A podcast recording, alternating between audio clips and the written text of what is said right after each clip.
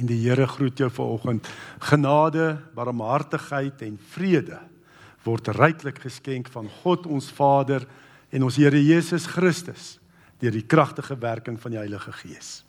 Amen. Kom ons let asseblief hier oor.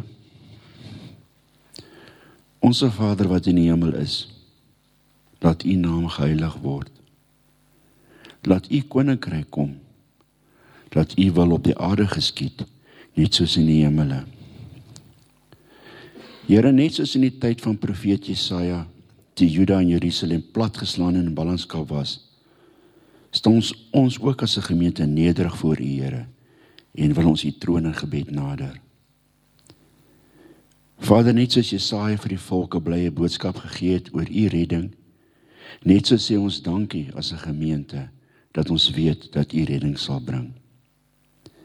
In Jesaja 41 lees ons in vers 10: Moenie bang wees nie. Ek is by jou. Moenie bekommerd wees nie. Ek is jou God. Ek versterk jou. Ek help jou. Ek hou jou vas. Met my eie hand red ek jou. So kan Jesaja 40 vers 30 lees ons. Selfs jong manne word moeg en raak afgemat. Selfs manne in hulle vleur struikel en val. Maar die wat op die Here vertrou, kry nuwe krag. Hulle vlieg met ademsvlerke. Hulle hardloop en word nie moeg nie. Hulle loop en raak nie afgemat nie. Ja Here, ons word soms bekommerd, bang, afgemat en struikel soms. Veral as dit oor ons geliefdes gaan wat siek is en in pyn verkeer.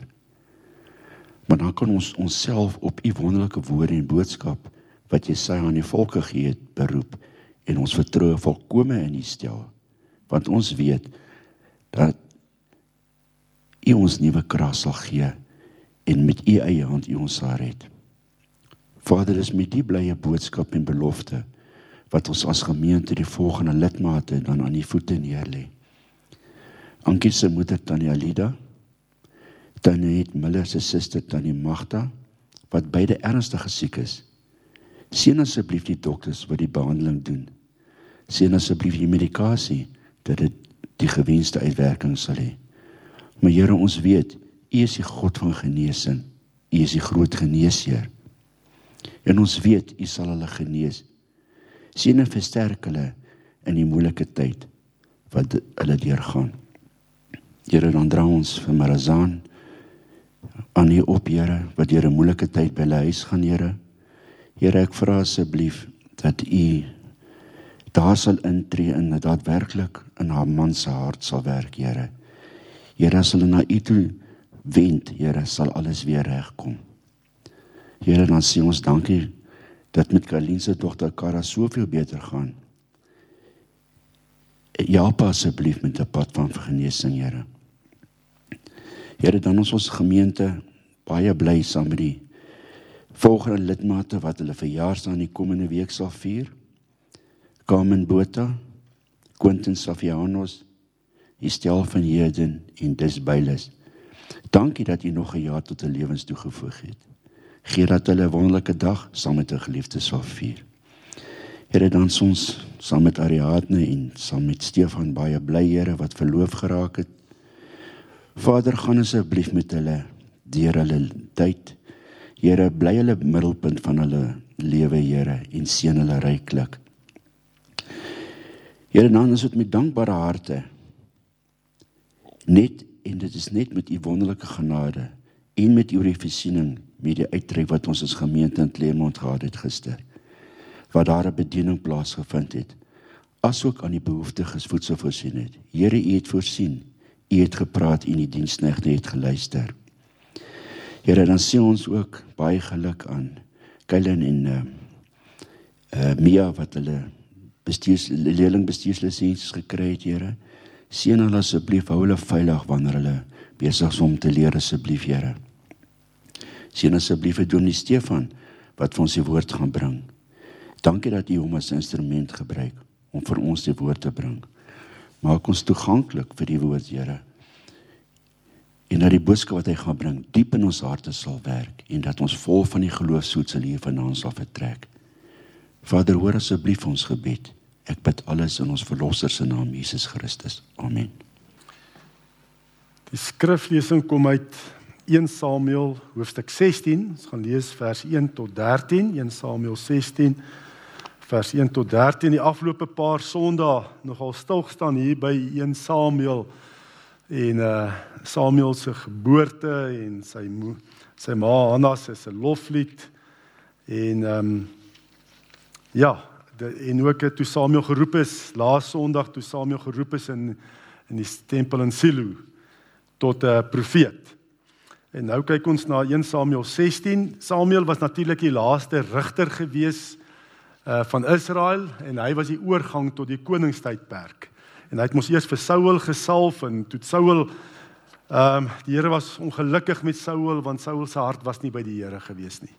En toe sê die Here nou in 1 Samuel 16 hy moet vir Dawid gaan salf as koning. En ons fokusvers gaan ook vers 1 wees. Maar ek lees vers 1 tot vers 13. Die Here het vir Samuel gesê: "Hoe lank gaan jy nog oor Saul treur nadat nadat ek hom as koning oor oor Israel verwerp het? Maak 'n horing vol olie en gaan na Bethlehem toe. Ek stuur jou na Isaai toe, want onder sy seuns sien ek vir my 'n koning." Samuel vra toe: "Hoe kan ek gaan? As Saul dit hoor, het hy my sal hy my doodmaak." En die Here sê vir hom: "Neem 'n vers saam en sê ek het gekom om vir die Here 'n offer te bring." Nooi dan vir Isaai na die offer toe. Ek sê jou meedeel wat jy moet doen, sal vir my die een wat ek jou sal beveel. En Samuel het gedoen wat die Here gesê het. By sy aankoms in Bethlehem het die leiers van die stad hom ontstel te gemoed gekom en gesê: "Kom u in vrede." En hy het gesê: "Ja, ek het gekom om vir die Here offer te bring. Reinig julle en kom saam met my na die offer toe." Hy self het vir Isaai en sy seuns gereinig en hulle na die offer toe genooi. En toe hulle inkom het Samuel vir Eliab gesien en gedink die gesalfde van die Here staan hier voor die Here. Maar hy sê vir Samuel: Moenie na sy voorkoms of sy buitengewone lengte kyk nie, want ek het hom nie gekies nie. Die Here kyk nie na dieselfde dinge as die mens nie. Die mens kyk na die uiterlike, maar die Here na die innerlike. Toe roep Isaai vir Abi Nadab en laat hom voor Samuel verbygaan en hy dink die Here het ook hierdie een nie gekies nie. Daarna het Isaai vir Samuel laat verbygaan, maar Samuel het gedink die Here het ook nie hierdie een gekies nie. En nadat Isaai sewe van sy seuns voor Samuel laat verbygaan het, sê Samuel vir Isaai: "Die Here het nie een van hulle gekies nie." En daarop het Samuel vir Isaai gevra: "Is dit al jou seuns die?" En hy het geantwoord: Die jongste is nog oor, maar hy pas nou die skape op. Toe sê Samuel vir Isaai: "Laat hom haal, want ons eet nie voordat hy hier is nie." Isaai het hom laat haal. Hy het 'n rooi gelaatskleur gehad, mooi oë en 'n goeie voorkoms. Toe sê die Here: "Staan op, salf hom, want dit is hy." Samuel het die horing met die olie gevat en hom voor sy broers gesalf. Die gees van die Here het van daardie dag af kragtig in Dawid gewerk. Daarna het Samuel klaargemaak en na Rama toe teruggegaan. Ons fokus vers vers 1. Die Here het vir Samuel gesê: "Hoe lank gaan jy nog oor Saul treur nadat ek hom as koning oor Israel verwerp het? Maak 'n horing vol olie en gaan na Bethlehem toe. Ek stuur vir jou na Isaai toe, want onder sy seun sien ek vir my 'n koning." Ja, die vraag is wat sien die Here in my? Wat sien die Here in jou? Wat sien die Here hier in die gemeente? Nee, want die Here wil in en deur ons werk. Hy wil ons gebruik en ek dink dis die wonderlike en dink dis wat hierdie jong mense nou getuig het nê, toe die Here deur hulle gewerk het, hulle gebruik het op die kamp nê. Hoe opbouend is dit? En die Here wil ons gebruik. Die Here wil ons gebruik en hy wil ons ook toerus om dinge te doen. En hierso in vers 1 staan daar dan ook Ek stuur jou na Isaai toe want onder sy seuns sien ek vir my 'n koning, nê? Nee? Ehm um, die Here sê ek sien. Die Here kyk rond. En hy sien potensiaal raak in mense. En uh, as ons kyk na hierdie potensiaal wat die Here raak sien, hierdie Hebreëse woord sien is meer as om net te kyk. Net dis meer om te ondersoek. Hierdie Hebreëse woord ra'a beteken beskou, bekyk, om dop te hou, om te inspekteer, om te leer ken. Net dis wat hierdie woord beteken. Die Here ondersoek en hy inspekteer en hy kyk wat se potensiaal is daar in ons as gemeente in elkeen van ons. Dis hoe die Here kyk. Nee, die Here het eintlik na Isaia se seuns, sy agt seuns gaan kyk. Hy het hulle geïnspekteer, gekyk hoe hulle optree, nee, hoe hulle hulle werk doen elke dag, nê? Nee, en hy het gekyk wat is die potensiaal in elkeen daar. Nee, en die Here kies toe een. Ja, hy kies toe een. En ons weet toe dit is vir Dawid wat hy gekies het. Nadat hy al daai agt seuns so geïnspekteer het, nê, nee, en dopgehou het hoe hulle optree en hy kies toe een en hy kies vir Dawid. Nou ons moet weet ook die Here inspekteer ons ook. Hy kyk na ons en hy kyk wat se potensiaal is daar. Nê, nee, hoe kan hy jou gebruik? Die Here kyk hoe jy jou kamer netjies hou. Nê? Nee? Dit jou klere as jy dit uitgetrek het, nê, nee, ruim jy dit weer op. Is jy getrou aan daai klein dingetjies? Die Here kyk hoe jy die asblik leegmaak, nê. Nee. Hy kyk hoe jy skottelgoed was, met watter gesindheid jy skottelgoed was. Nê? Nee? Die Here kyk daarna. Die Here kyk ook hoe ons ons korvee take doen, Christian, nê? Nee? Nê, nee? hoe jy jou korvee take, daai lysies wat ons vrouens vir ons opgestel het nie. Met watter gesindheid doen ons dit? Ek sien al daai lag, maar Chris lag nie.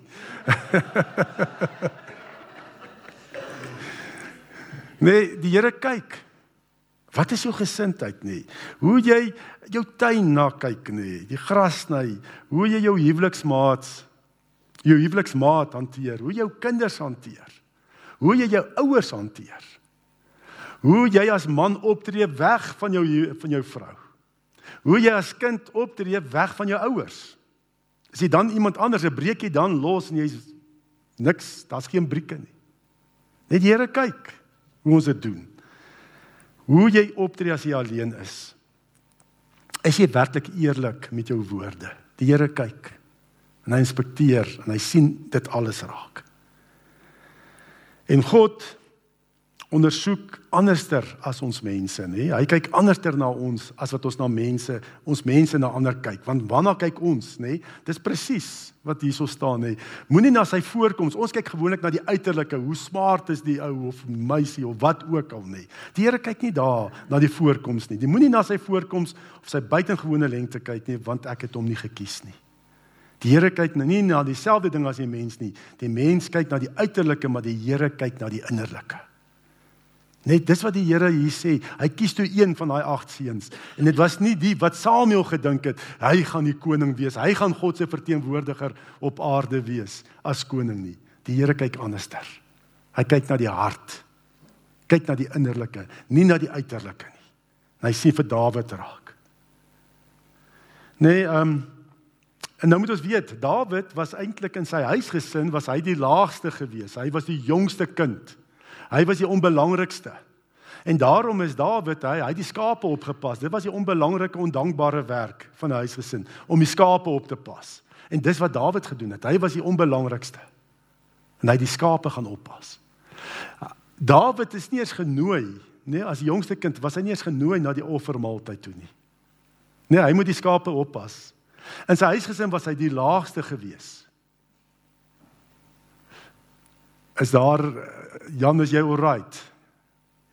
OK. Nee, ek sien daar's net baie woelinge daar agter. Nee, Dawid was as die jongste, die onbelangrikste gewees, hy het die ondankbaarste werk gedoen. Hy's nie eens genooi na die offermaaltyd toe nie, maar die Here kies hom. So die onbelangrikste in die wêreld se oë is die belangrikste in God se oë. Dis hoe die Here kyk. Nee, en uh, op die einde moes almal wag dat Dawid eers kom en hy moes hom natuurlik eers skoon maak en so voor hy kon deel gewees het aan die offermaaltyd. Almal kon nie geëet het voor Dawid eers kom nie. Want dis hoe die Here werk. Hy kyk na die hart. God sien ons harte raak. En ehm um, ja, God sien, hy sien hoe jy dink. Hy sien wat is jou emosies en hoe jy optree en veral hoe jy optree wanneer jy ook alleen is en waar ander mense jou nie ken nie. Is jy nog dieselfde persoon? Dis wat die Here na kyk. Nou kom ons kyk na Dawid. Hoekom is hy die een die belangrikste in God se oë bo al sy broers, nê? Dit was omdat Dawid 'n man was van goeie karakter. Dawid het 'n goeie karakter gehad, nê? Toe hulle gevra het waar's Dawid, toe Samuel vra waar's Dawid, almal geweet waar's Dawid nie. Hy pas die skape op. Hy's 'n getroue skaapwagter. Hy doen daai onbelangrike werk het hy getrou gedoen. Het geweet waar hy is, het geweet waarmee hy besig is. Nee, hy was in die kleinste dingetjies was Dawid getrou gewees. Wat eintlik gereken is as die laagste werk, was hy getrou gewees. Ehm um, ja. En dan ook hy was toegewyd gewees, nê? Nee? Hy hy sy skape, dit is wat dis my werk. En hy het goed gedoen. Nee, hy het daai skape opgepas. As die beer en die leeu kom, nê, nee, was hy dapper geweest. Hy met dapperheid daai skape opgepas. Nie gedink ag hierdie werk beteken niks nie. Nee, hy's ontevrede nie. Hy het sy beste gegee. Jy weet, baie keer kan mense, hulle wil hulle is in 'n werksituasie, persone is in 'n werksituasie, jy wil graag verhoging kry, jy wil opgaan. Maar jy moun so oor jou werk, nê? Jy is ontroubaar, onbetroubaar in die klein dingetjie, nê, dat die Here nie veel meer kan gee nie. Dawid was betroubaar in hierdie klein dingetjie en ons weet, hy het koning geword. So dit wat die Here vir jou geplaas het waar jy nou is, wees betroubaar daarin, wees dankbaar daarvoor. Ek onthou toe ek in die weermag was, was daar 'n ehm um, ja, sersant wat weer teruggekom het weermag toe nê. En van die eerste dag wat hy weer aangestel is nê, was hy ontevrede geweest. En ek weet hy was nie weer lank nie toe hy weer uit uit die weermag. Nê? Wees betroubaar, wees 'n persoon van goeie karakter. En sonder dat hulle hom gesien het nê, sonder dat hulle gesien het wat Dawid doen nê, het hy daai skape opgepas met sy lewe. Die beer en die leeu kom, hy het hulle verjaag. Nou hy skape opgepas, hy was betroubaar geweest. Ehm um, ja, toe hy sê vir later sê hy vir vir Saul uh, sien ons die gesindheid waarmee hy daai onbelangrike werk gedoen het nê nee, van skaapwagter. Sê hy vir Saul waar hy vir Goliat nou voorberei om Goliat aan te vat.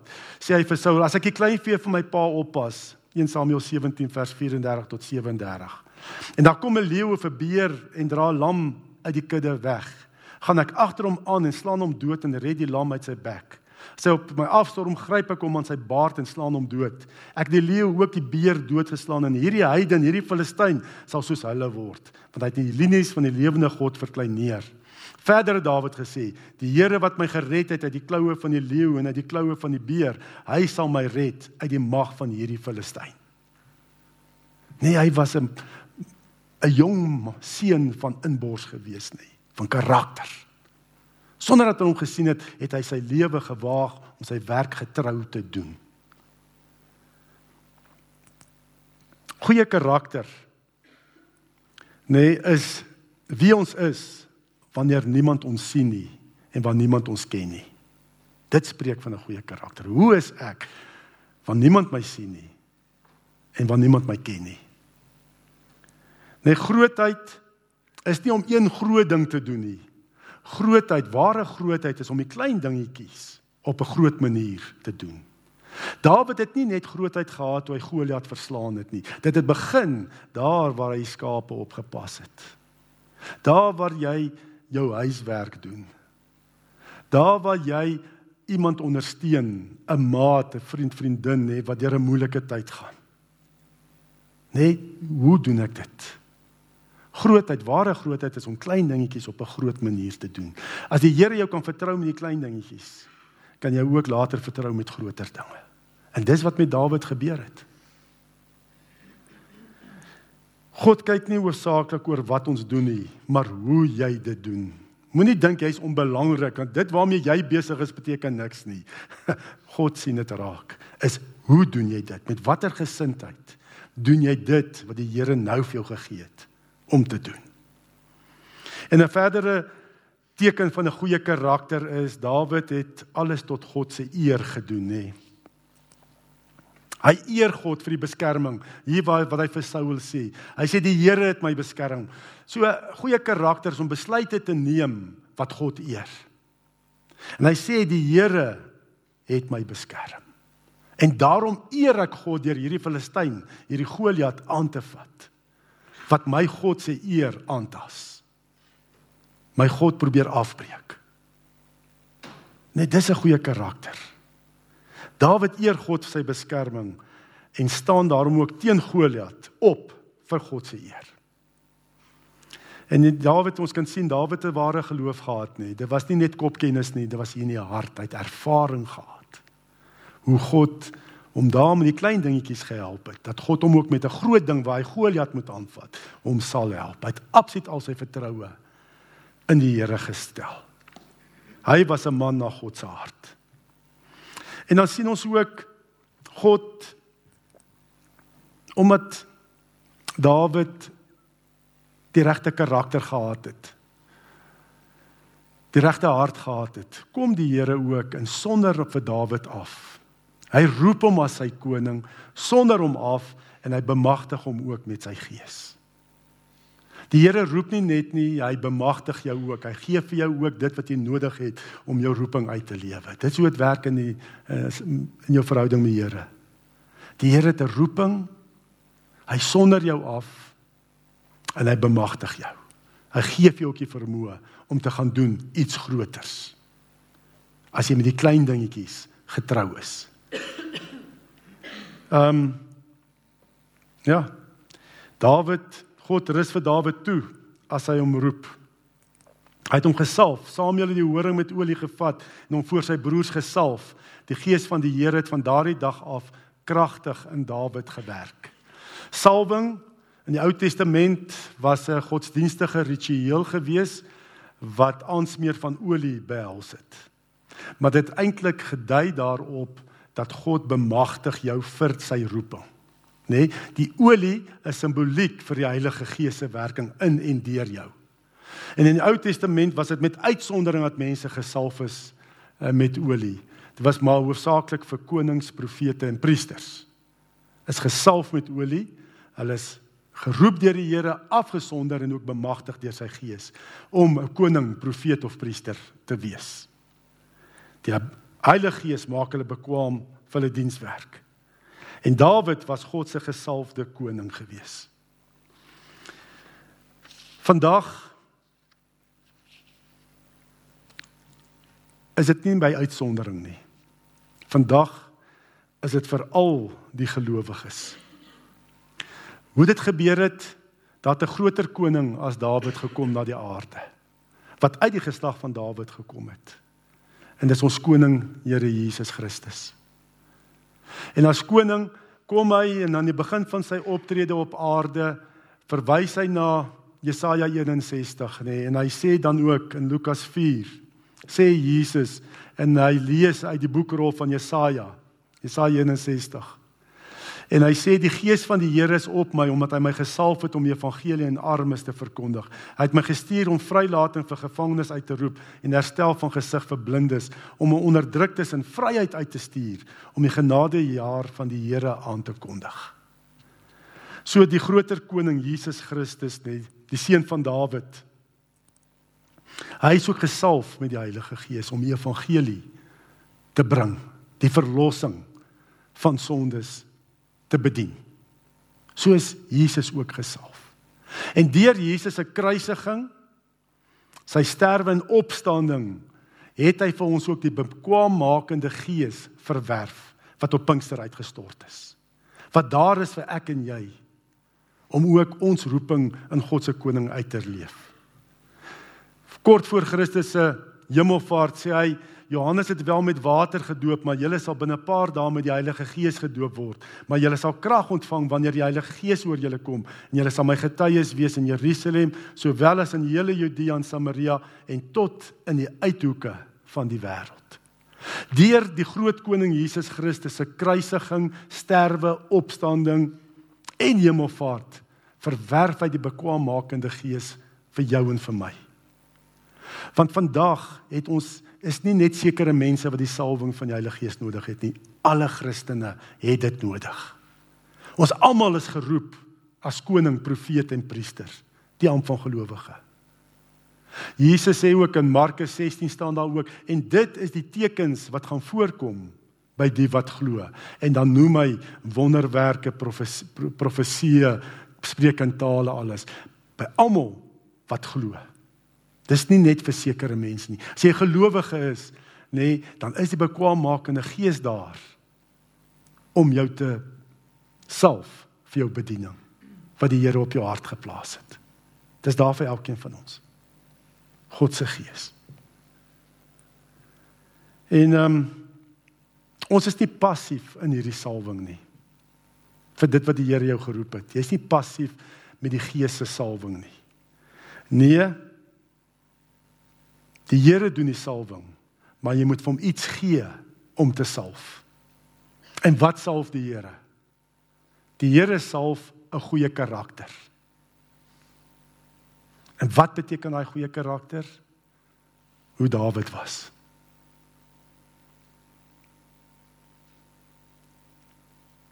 Jean, wat is 'n goeie karakter? Yes.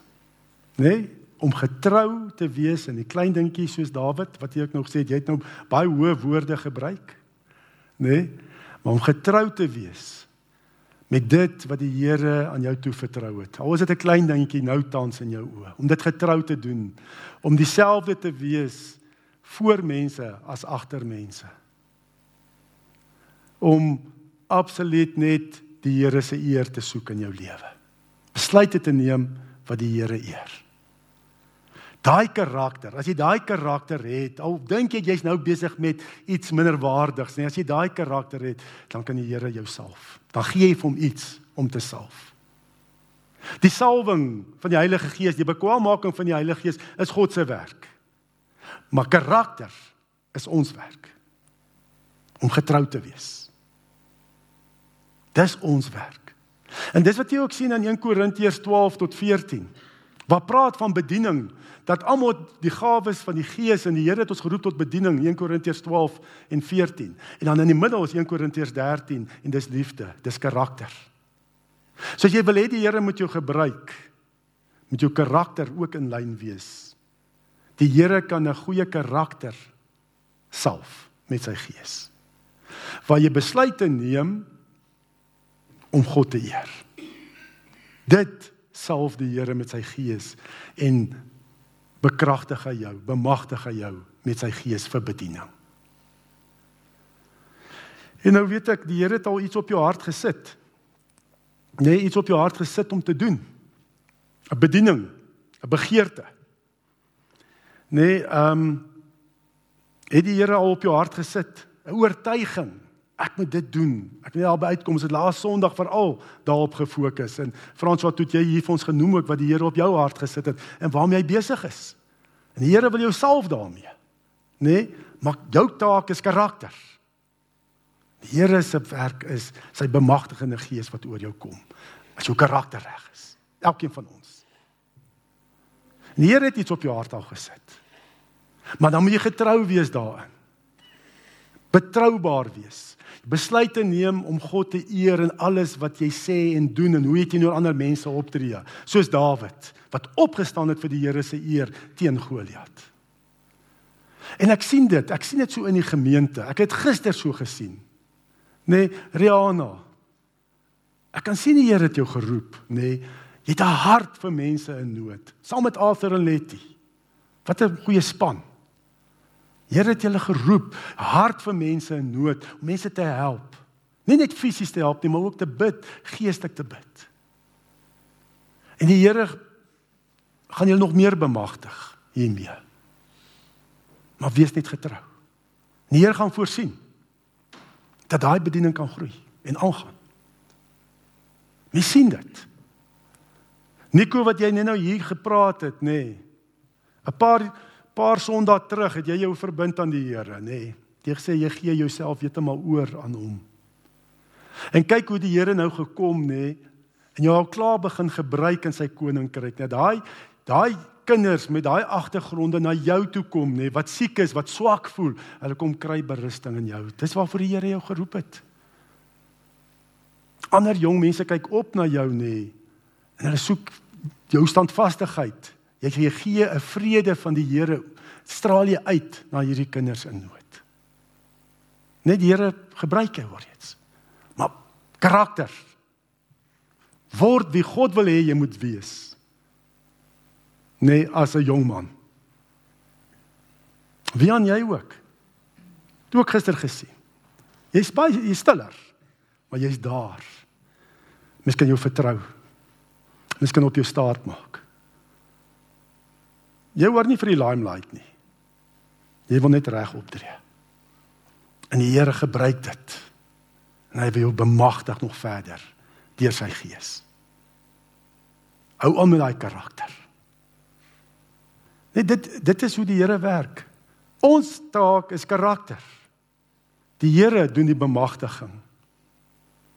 En ek wil hê ons moet nou sommer bid hier saam en die Here dit wat die Here op jou hart geplaas het, dat jy dit vir die Here sê in jou eie woorde maar dat ons aanbid ook vir die salwing van die Heilige Gees dat die Here jou sal bekwam maak vir dit wat hy jou geroep het. Nou gaan eers kans gee vir stil gebed waar jy vir die Here met die Here praat en sê dit waarvoor hy jou geroep het en afgesonder het en waarvoor hy jou wil bekwam maak. Dat jy vir Here sê, gaan so so 15 sekondes gee daarvoor en dan gaan ek vir ons verder bid.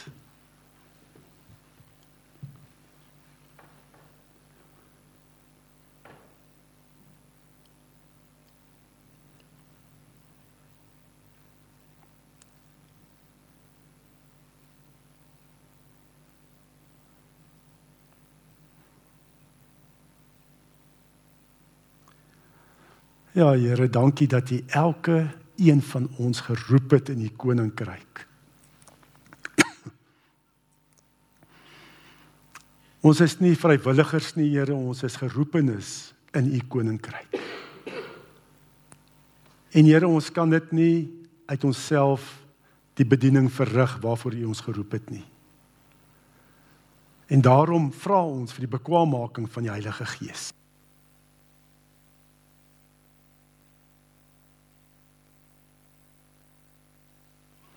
Ons bid en vra Heilige Gees dat U sal kom dat U ons inwonend in ons lewens sal werk en ons sal vernuwe na die beeld van Jesus Christus met U vrug. Ons verbind ons daartoe Here om te word wie U wil hê ons moet wees. Heilige Gees, maak ons bekwam dat ons die vrug, U vrug sal dra. Dat ons karakter, dat mense na ons sal kyk en hulle U sal raak sien, Here Jesus dat ons besluite sal neem in ons lewens wat U eer. En dat ons daai dinge sal doen, dat ons denke vernuwe sal word volgens U woord. En dat ons emosies ook U liefde sal uitstraal na die mense om ons. En dat ons ook dade van liefde sal gaan verrig. En vir daai roeping wat U op elkeen van ons se lewe het, Here, vra ons Heilige Gees kom maak ons bekwam. Bemagtig ons met u gawes vir bediening. Dat ons dat mense na ons sal kyk en sal sê maar dit is nie dis nie jy nie. Ek sien die Here raak wat in en deur jou werk. Maak u ons bekwam. Bemagtig ons met u gawes Heilige Gees vir bediening. Ons vra dit in Jesus se kosbare naam. Amen. Ja, nou kan mens dink OK, maar wat nou? Wat het nou verander? Nee, ehm um, wat het verander na so gebed? Ek dink met Dawid was dieselfde ook gewees. Nadat hy met olie gesalf is deur Samuel, nee, is hy nie skielik is hy nou direk na na die na Saul toe, na sy paleis toe nie. Hy wil maar weer terug skape toe. Nee, hy het maar weer aangegaan met daai werk wat hy met passie verrig het. Terugskape toe. Nie dadelik het nie alles verander nie. Maar dan lees jy verder, dan skielik begin daar dinge in die geesteswêreld het alles verander. En die Here maak deure oop. Saul word getuister deur 'n bose gees. Nê? Nee, en hy kry Dawid om op 'n lier te kom speel vir Saul. En so word Dawid blootgestel hoe 'n paleis, nê, hoe 'n koning werk, nê? Want hy's opgeneem en Saul was so tevrede met hom gewees dat sy pa gevra het kan hy nie permanent vir my werk nie. En later het hy vir hom sy wapendraer, sy persoonlike wapendraer gemaak. As jy die res van hoofstuk 16 lees. So begin die dinge gebeur. Dit gebeur nie dadelik nie. Jy kan dalk nou daar sit en voel maar ag ek gaan nou maar weer terug huis toe, ek gaan nou maar weer môre moet gaan werk na my gewone werk toe. Maar as jy werklik glo in daai roeping wil uitleef nê, in die geesteswêreld het dinge verander. En die Here sal deure oopmaak. Ag net wat ons net nou hierso gehoor het, Rihanna Hafer, Nico Wian. Klaar, kan jy sien hoe dinge verander het? Nê? Nee, wees reg daarvoor. En dan ook, daar's baie beere en leeu's wat verslaan moet word in hierdie lewe. Daar's Goliate wat die kerk bedreig en die Here wil vir jou en my gebruik om hulle te verslaan. Maar jy moet dit glo. En natuurlik beweeg in daai rigting. Nee, as die Here deur oopmaak en sê nee, ek sien nie kans nie, gaan doen dit. Toe Dawid daai kans gegee word om op die lier te speel vir Saul het hy gegaan. Beweeg in daai rigting, dit wat die Here op jou hart geplaas het. Neem stappe om dit te begin bedien. Gaan rus jouself toe. Gaan doen dit. Leef met 'n verwagting vir geleenthede. En ek wil eindig dan ook. Wat sien die Here in jou? Wat sien hy hier in Bergbron gemeente? sien hy 'n werklike omgee gemeente gesalf vir genesing en bevryding? Amen.